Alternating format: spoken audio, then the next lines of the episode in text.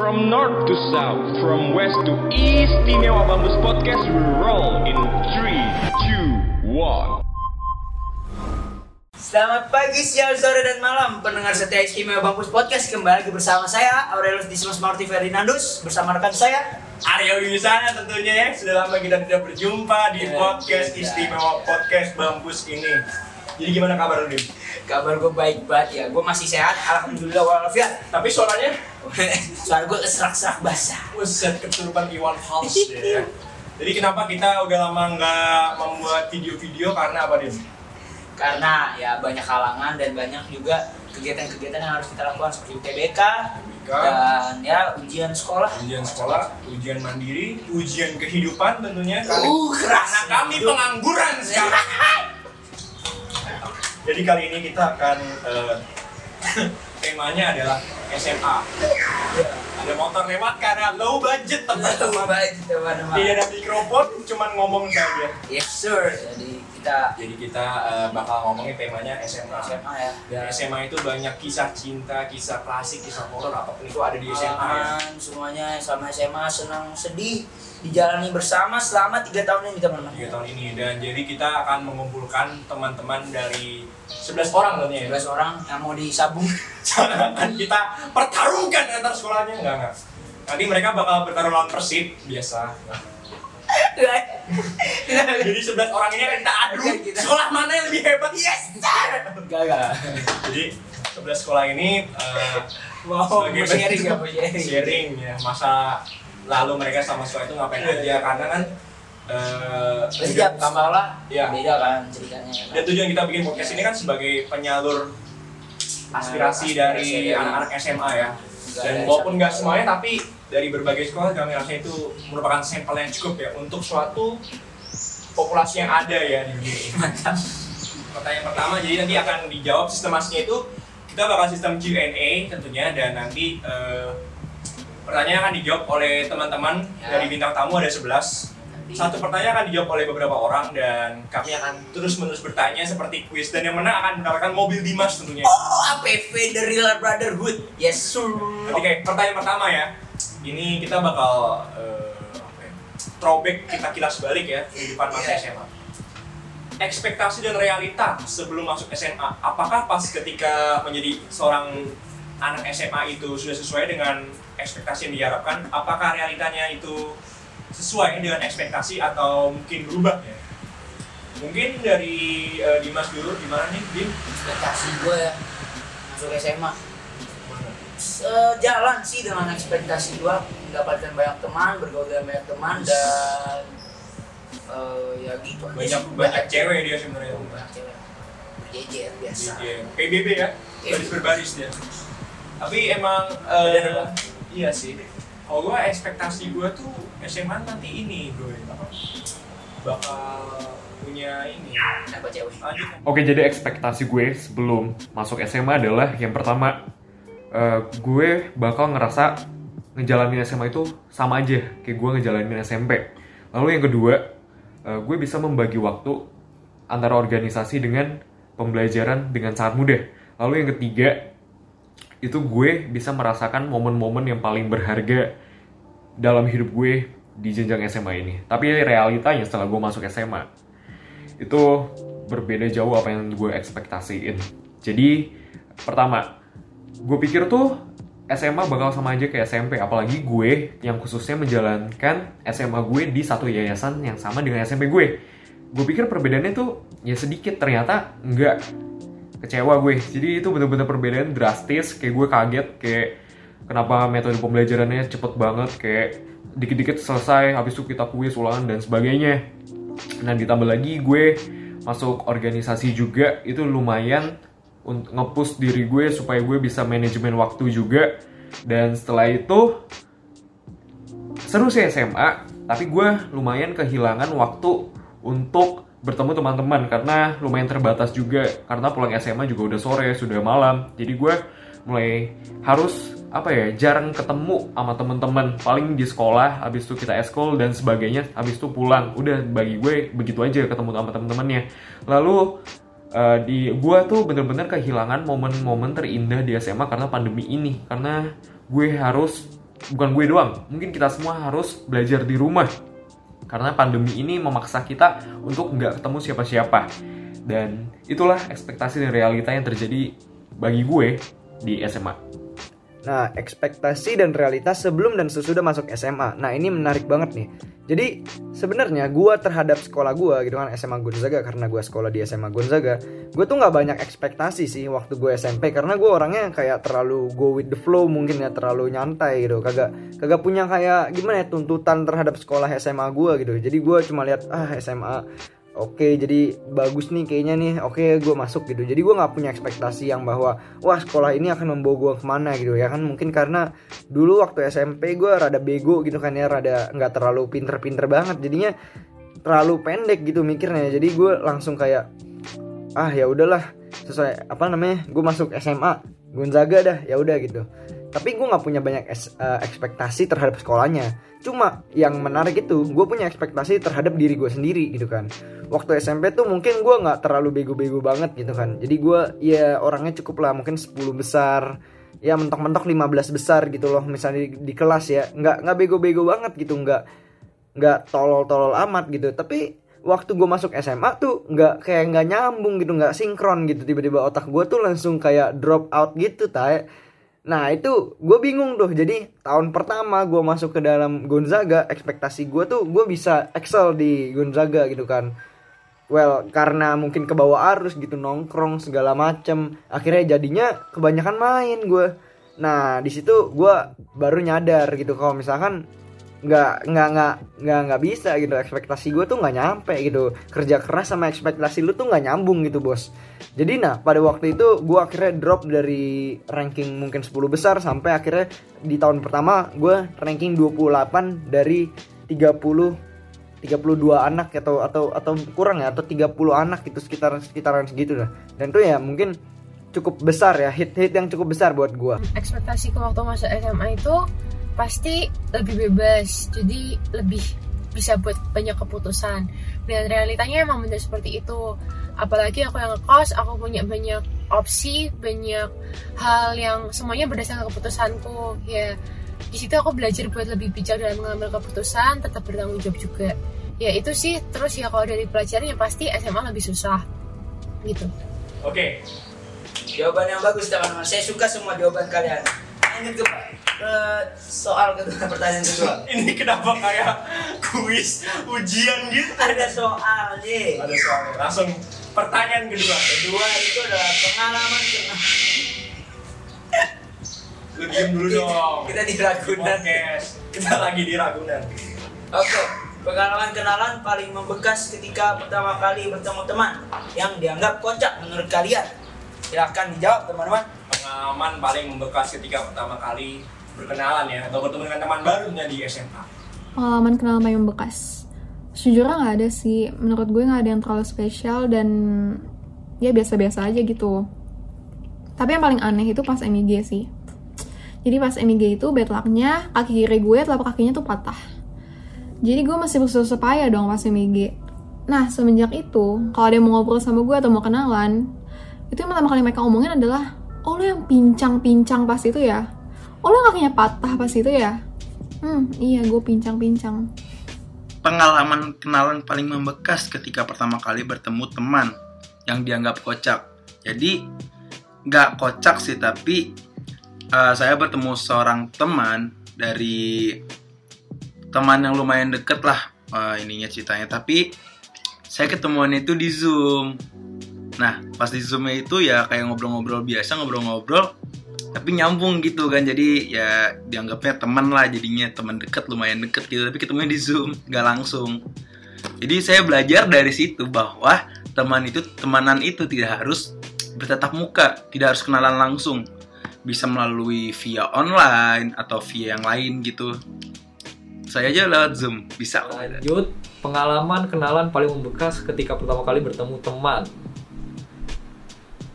Paling membekas ketika ketemu temen ya kalau di Kanisius tuh jadi tuh tradisinya kita mos itu kita masa orientasi sebenarnya masih oke-oke aja ya masih kayak perkenalan sekolah biasa. Namun ya namun ada yang namanya ILT itu kayak semacam latihan dasar kepemimpinan gitu. Ya sama kakak kelas dibercanda-bercandain dimarah-marahin biasa lah disuruh push up dan sebagainya dikasih tugas banyak dan ya di situ sih sebenarnya udah pada kenal cuman ada karena dibikin kelompok-kelompok gitu jadi ketemu teman-teman baru nih. Ya di kelompok ini nih ya gitu sih. Sebenarnya biasa aja gitu ya. Ya. Tadi pertanyaannya apa? Pengalaman kenalan paling membekas ketika pertama kali bertemu teman ya itu sih gara-gara ILT ya sebenarnya ya mungkin kalau nggak ada ILT juga sebenarnya nggak membekas jadi ini ketemu nggak cuma satu orang doang kita ketemu banyak banget kan apalagi ILT gitu kan jadi rasanya kayak senasib gitu ya sama-sama seperjuangan sama-sama capek jadi ya di situ hubungan kami erat semua Gila. Oke, kita lanjut ke pertanyaan ketiga. Pengalaman sama guru yang paling berkesan atau membekas yang di SMA. Nah ini mungkin eh, salah satu quotes yang paling sering dibicarakan oleh guru kepada kita atau mungkin eh, pengalaman bersama guru mungkin gila-gilaan, ngejailin guru yang benar-benar teman nggak bisa lupain dan nggak mau dilupakan lah karena itu memang benar-benar istimewa ya di hati. Iya. Tuh ada nggak? Mungkin bisa kita dengar dulu ya dari teman-teman. Dari teman-teman. Kalau misalnya ngomongin pengalaman sama guru jujur gue nggak gue nggak bisa milih karena pengalaman gue sama guru tuh lumayan banyak. Bukan karena gue anak berprestasi tapi karena gue banyak melakukan kesalahan gitu. Tapi mungkin yang paling berkesan buat gue ada satu dua sih. Jadi sebut aja dia guru Inggris itu Miss A. Jadi gue tuh kalau misalnya gue tuh dulu awal-awal waktu kelas 10 gue tuh kalau makan selalu di kantin. Which is kalau di kantin tuh belnya lebih telat kalau jadi kalau lu naiknya pas bel tuh pasti lu telat masuk kelas. Dan dia tuh bener-bener killer dan gak ada yang tahu. Itu gue baru seminggu sekolah. Dan ini kayak eh, pertemuan pertama. Jadi tuh pelajaran dia kepotong gitu. Jadi ada pelajarannya sebelum istirahat kepotong istirahat terus eh, lanjut lagi gitu. Terus gue em, telat masuknya bareng temen gue tapi nggak ada yang mau ngetok. Akhirnya gue ngetok kan sorry miss gitu. Telat bla bla bla. Duduk lah kan kita kuis setelah itu. Kuis di slideshow gitu di papa di papan. Dan gue takut dia udah ganti slide.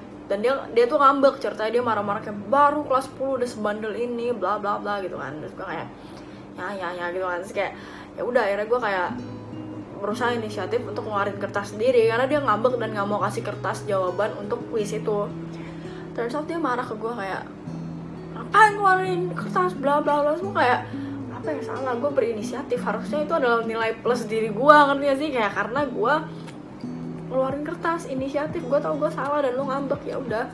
Gue takut aja lu ganti gitu kan slideshow-nya tapi ya udah. Tapi itu lumayan kocak sih dan sampai sekarang dia masih jadi guru killer.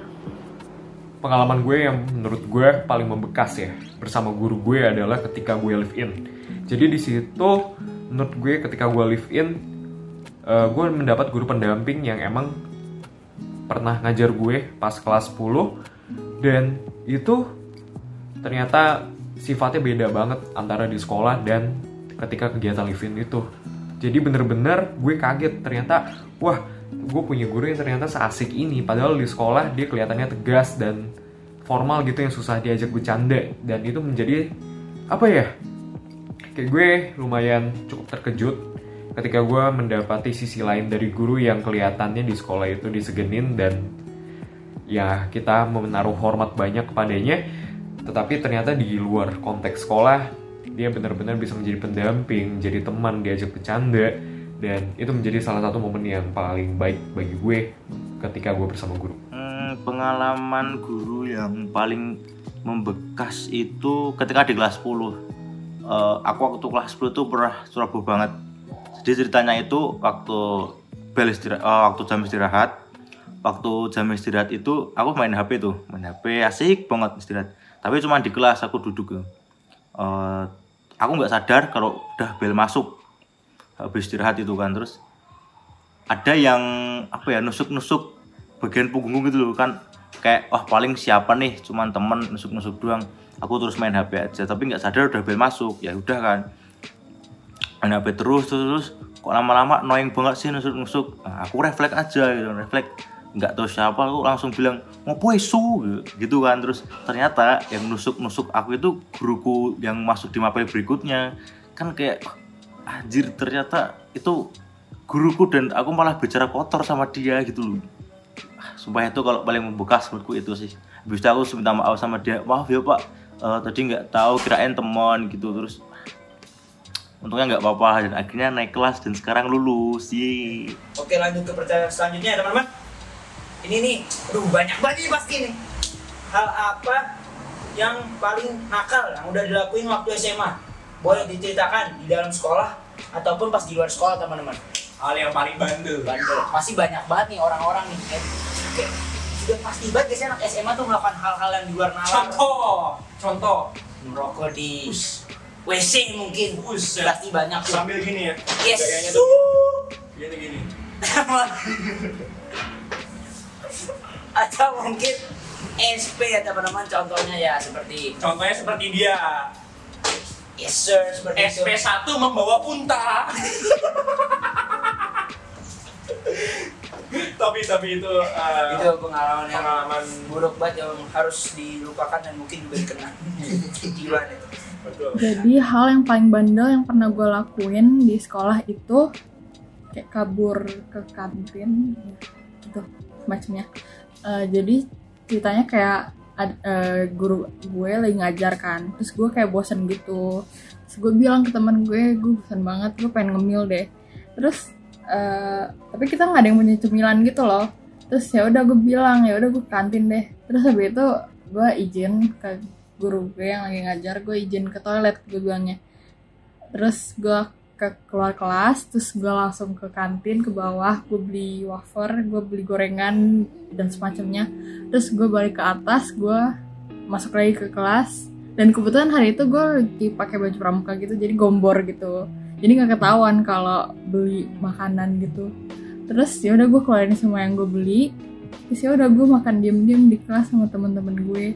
Dan itu tuh berlaku apa kayak terjadi nggak cuma sekali gitu. Jadi karena kayak gue melakukan itu terus temen gue kadang kalau bosen kayak ngelirik ke gue dia mau kantin nggak? Sih udah kayak ya udah gue kantin aja gitu seru banget itu hal paling bandel yang udah dilakuin waktu SMA. Jadi ini mungkin bukan bandel gitu ya, mungkin bukan bandel tapi lebih ke rebel aja gitu lah. Rebel karena ya kita dulu punya ideal sendiri gitu loh. Kita dulu ya udah kayak tua banget. Jadi gini, dulu waktu gua kelas 11 apalagi awal-awal dilantik paskib tuh. Jadi kan gua masuk paskib gitu. Kita tuh dilantik baru dapat baju seragamnya paskib gitu. Nah jadi sebelumnya itu kita nggak nggak dapat bukan nggak dapat sih jadi kayak belum hak kita buat pakai lah. Nah di Gons itu setiap hari Rabu sama Kamis kita make eh, kemeja putih gitu kan.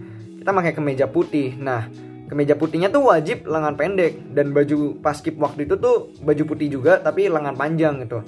Cuma karena kita gimana ya karena kita pride-nya besar gitu kan ya pride-nya gede gitu. Akhirnya kita colongan terus gitu pakai baju paskib. Kita selalu pakai lengan panjang terus lengan panjang.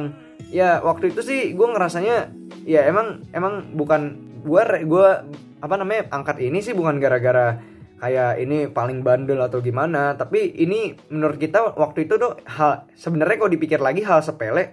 Cuma gimana ya emang kita bawa ke hati banget waktu itu. Kan ya jadi kayak akhirnya jatuhnya cuma rebel nggak ada intinya aja. Jadi waktu itu tuh gua sama mungkin beberapa teman gua yang masih bersikeras gitu loh pengen pakai baju paskib akhirnya colongan gitu pakai baju paskib yang notabene udah dilarang sama sekolah. Itu doang sih paling.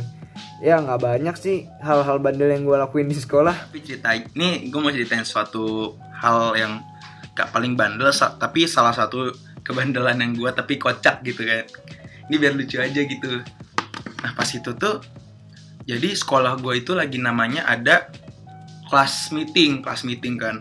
Nah tapi di sekolah gue itu kalau kelas lagi lagi kelas meeting itu kayak gabut banget kayak kayak bosen lah kayak acaranya itu cuma gitu-gitu doang gitu-gitu doang gitu-gitu doang doang kan. Kayak main futsal main futsal bla bla bla bla bla bla. Terus dari pagi sampai pulang sekolah anggapannya dari jam dari jam 7 lah. Dari jam 7 sampai jam 3 itu kelas meeting. Nggak boleh ke kelas terus nggak boleh ke kantin ke kantin itu cuma pas lagi istirahat doang. Nah pas lagi ini kan gue sama teman-teman gue tuh kayak ngide gitu nah cabut aja cabut sekolah aja cabut. Akhirnya kita cabut lah. Jadi itu di sekolah gue itu ada kayak tiga cara gitu kan ke cabutnya. Bisa diem-diem lewat gerbang depan bisa manjat sama yang satu lagi gue lupa. Tapi pas itu gue manjat. Jadi pas lagi manjatnya itu jadi ini tepatnya kayak gini nih. Jadi ini ada masjid. Terus di sebelah masjidnya itu ada kayak tembok. Temboknya itu langsung los ke sawah gitu. Jadi sebelah kita itu ada sawah bukan sawah sih kayak ladang gitu. Ladang basah gitu kan. Nah pas lagi mau loncat nih kan kita kan udah mau ini kan lagi memanjat kan lagi manjat lagi manjat lagi manjat. Terus tiba-tiba jadi itu kita berempat. Jadi kita berempat. Yang gue paling terakhir pokoknya ada teman gue pertama manjat terus kedua ketiga terus keempat sama gue terakhir. Nah pas lagi manjat itu gue lagi manjat kan. Tes tes tes tiba-tiba gue liat ke kiri kan. Tahu nggak ada apa? Jadi ada osis lagi ngefotoin gue ngefotoin persis kayak gue nengok itu baru difoto nyala flashnya nyala lagi kan. Jadi gue tahu. Nah akhirnya tapi untungnya nggak diceritain ke guru gitu. Jadi aman. Ya, lanjutkan. Ya, tapi eh, tadi pernah pernyataan dari teman-teman ya pengalaman-pengalaman itu tentu saja menarik-menarik ya. Dari berbagai macam hal-hal yang apa ya sebenarnya itu nggak baik dilakukan, tapi dari penyimpangan itu kita belajar bahwa manusia itu bisa berubah dengan cepat. Benar. We can see the future if we can see the truth. Kita belajar dari kesalahan kita sendiri. itu itu translate-nya. Oke, yang kelima. Boleh dong diceritakan kisah cintanya ketika SMA. Jadi waktu SMA itu ada yang namanya kisah cinta ya, seperti kata Krisye. Masa PDKT, masa pacaran, masa putus, ya kan. Yang udah melekat di kehidupan anak SMA lah ya, kisah percintaan. Nah menurut teman-teman semua nih eh, yang dari bintang tamu, kira-kira eh, bisa ceritakan satu peristiwa paling melekat ya, paling diingat dan gak bisa dilupakan gitu ya. Benar, benar. Pas mungkin bisa kisah cinta sama teman sendiri ya kan. Kalau nggak ada ya udah. Sahabat, iya. ya, sama guru, OB, satpam. Iya benar benar benar benar benar. Nah ini banget nih kalau misalnya masalah ngomongin cinta, duh gue tuh sampai udah dikasih title apa title sama teman-teman gue. Udah sa- udah apa udah sakit masih sayang terus lintas agama jalan ninjaku. Aduh, jadi ada yang bisa nebak. Mungkin ini problematika semua anak-anak negeri atau semua anak-anak minoritas di sekolah negeri ya. Pasti kayak lo rasakan lo selalu gue tuh selama SMA jadi gue itu selama SMA gue selalu deket sa- atau suka atau punya perasaan punya hati sama yang beda agama. Jadi gue bener-bener merasakan namanya pericin aku aku yang salah semua lagu-lagu itu udah gue dengerin semua. Itu jadi apa ya national anthem gue kayaknya buat selama saya SMA ini. Jadi sumpah sih itu sedih banget. Dan yang paling ngenes ngenesinnya lagi itu semua berakhir sebelum dimulai. Pahamnya maksud gue? Gue deket berbulan-bulan bulan habis itu bye hilang. Udah selesai. Alasannya kita beda agama kita nggak bisa. Terus terus kayak masih panjang. Maksudnya kenapa sih? Gitu kan. Ah, jadi kayak ya udah. Jadi cukup menyedihkan bahkan sampai saat ini kok guys. Saat ini gue masih mengalami hal itu. Jadi gue abis di fase turunnya udah di fase selesainya nih. Jadi kayak teman-teman gue tuh kalau udah tahu pasti deketan sama siapa? Oh sama oh ya udah. Kayak mereka udah bakal tahu udah tinggal tunggu aja. Kayak gimana waktunya? Tinggal tunggu waktu gitu. Jadi makanya itu alasan kenapa gue gak pernah punya pacar selama SMA karena selalu kayak gitu apa perputaran rodanya siklusnya kayak gitu. Jangan dicontoh ya guys. Mm, sakit hati banget sumpah Kisah cintanya selama di SMA. Ini yang bikin bertanya ini bangsat lu, eh. Sekolah gue cowok semua anjing. lu kira gua gay? Ya tapi ya selama nggak di dalam SMA ya ini nggak dalam SMA CC kalau di luar CC sih ada lah beberapa lah ya sebut saja mawar waduh. Ya gue sempet deket sama beberapa cewek semasa di SMA ya gue mah nggak kuper-kuper amat lah ya nggak gue diem-diem doang di jadi anak culun gitu nggak pernah nyobain pacaran. Ya gue coba kenalan sama temennya temen gue atau nanti bisa ketemuan sama siapa gue langsung ini. Ya pacaran ya pernah sekali doang pacaran anak SMA janganlah pacar pacaran lah. Tunggu udah lulus aja kuliah pas kuliah. SMA mah fokus belajar. Terus apa nih yang paling membekas? Pas patah hati. Hmm patah hati. Ya gua bukannya mau apa ya. Sebenarnya nih pacar gua dulu baik banget. Jujur baik banget ya. Cuman kan karena kejadian kelas 11 nih. Nah kan seperti kita tahu juga pas kelas 11 tuh kita semua dilanda sesuatu yang tidak mengenakan ya. Dilanda corona ya covid. Jadi ya gitu.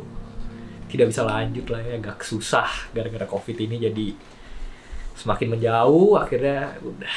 Aduh sedih sedih. Boleh dong diceritain kisah cintanya selama di SMA, masa PDKT atau pacaran yang paling membekas. Kalau bisa pas patah hati, hehehe nih di caps lock nih. Kalau bisa pas patah hati. Gue di Gons itu pacaran sama tiga perempuan, Kinta, Nadine, sama yang sekarang Raya. Kalau pas Kinta, PDKT pas PDKT pacaran ya, PDKT itu gue PDKT gue lupa pokoknya kayak emang kayaknya naksir aja gitu dulu naksir PDKT PDKT di IG dm dman masuk line jadi deket terus kayak ya udah ngobrol aja deket pacaran terus ya udah pacaran. Terus kayak kalau disuruh ceritain pacaran kalau pas kinta gue masih di sekolah tuh masih on apa offline. Jadi masih ada pengalaman pacaran di Gonsnya di sekolahnya. Kalau pas Nadine pas Raya itu gue udah on, apa online udah pandemi kan. Kalau yang pas kinta ya kayak pacaran Gons tuh banyak banget spot pacaran. Kayak misalkan mungkin kalau orang-orang tahu dulu gue sama kinta pacaran di mana gue di depan locker di depan kelas sejarah di lantai dua depan locker depan locker dia deh pokoknya gitu. Ini sama kinta sama Nadine gue kalau sama Nadine tuh gue teman SD dia, dia, dia dari teman gue TK dari dari bocah tuh. Cuman kayak gue emang gak deket-deket banget sama dia. Gue deket sama dia tuh gara-gara pas uh, dia gue sama dia ulang tahunnya tuh beda seminggu. Terus kayak abis itu hmm, dari situ kayak kita gue inget banget pas kelas berapa itu? Kelas itu kelas 11 12 udah online lah. Itu gara-gara ya emang kayak tiba-tiba aja nyelamat nyelamatin ulang tahun deket. Terus kayak jadi keinget kayak kita tuh temenan dari SD dan lain-lain dan lain-lain. Akhirnya makin, makin deket pacaran. Nah kalau gue sama Nadine pacaran tuh nggak lama. Cuman cuman pokoknya dua hari atau satu hari sebelum anniversary itu putus. Jadi nggak nyampe sebulan pacarannya. Dan menurut gue itu pacarannya juga have fun aja sih. Nggak yang kayak itu jujur main-main aja gitu. Kayak bercanda-bercanda aja pacarannya juga yang kayak kocak aja gitu. Uh, gue gue juga ada pengalamannya juga sih sama dia. Yang penting kayak uh, waktu gue putus ya udah galau galau. Kayak gue inget banget gue habis kayak kalau kalau waktu sama dia dia dia yang mutusin. Cuman kayak ya udah gitu. Karena emang nggak uh, nyambung aja gitu. Terus ya gue putus. Pas gue putus kayak gue kalau pas patah hati gue galau sih galau ya. Cuman kayak habis itu habis di, ini gue ke rumah Nadine kalau itu. Terus putus. Nah kalau yang sekarang nih nih namanya Raya nih. Nah kalau pas putus nih ditanyain kalau bisa pas patah hati ya putus siapa sih yang nggak patah hati ya? Siapa sih yang nggak sedih siapa sih yang nggak galau? Ya galau galau galau aja. Cuman yang penting bisa apa ya ngejalanin dengan benar gitu. Lu jangan sampai salah bikin pilihan lah jangan mikir yang aneh-aneh. Menurut gua ya udah galau galau aja. Jangan sampai lu ngerugin diri lu sendiri ngerugin orang lain gitu. Yang penting lu bisa ngelewatin masa-masa susah lu itu dengan cara yang benar gitu.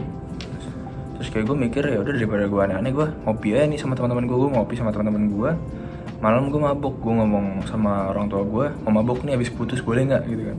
Terus kayak di rumah aja mabuknya gitu. Terus pas gue ke rumah gue mau mabuk kata orang tua gue kayak kamu jangan sering-sering uh, apa ya jadiin mabuk tuh pelarian jadi alkohol pelarian jangan sering-sering jadiin barang-barang uh, maksiat buat pelarian gitu. Yang alkohol kan biasanya maksiat juga ya. Terus kayak gue mikir ya udah kayak ya juga ya kayak kalau putus alkohol putus alkohol atau kayak galau alkohol gitu-gitu kan ngerugiin diri sendiri gitu kan.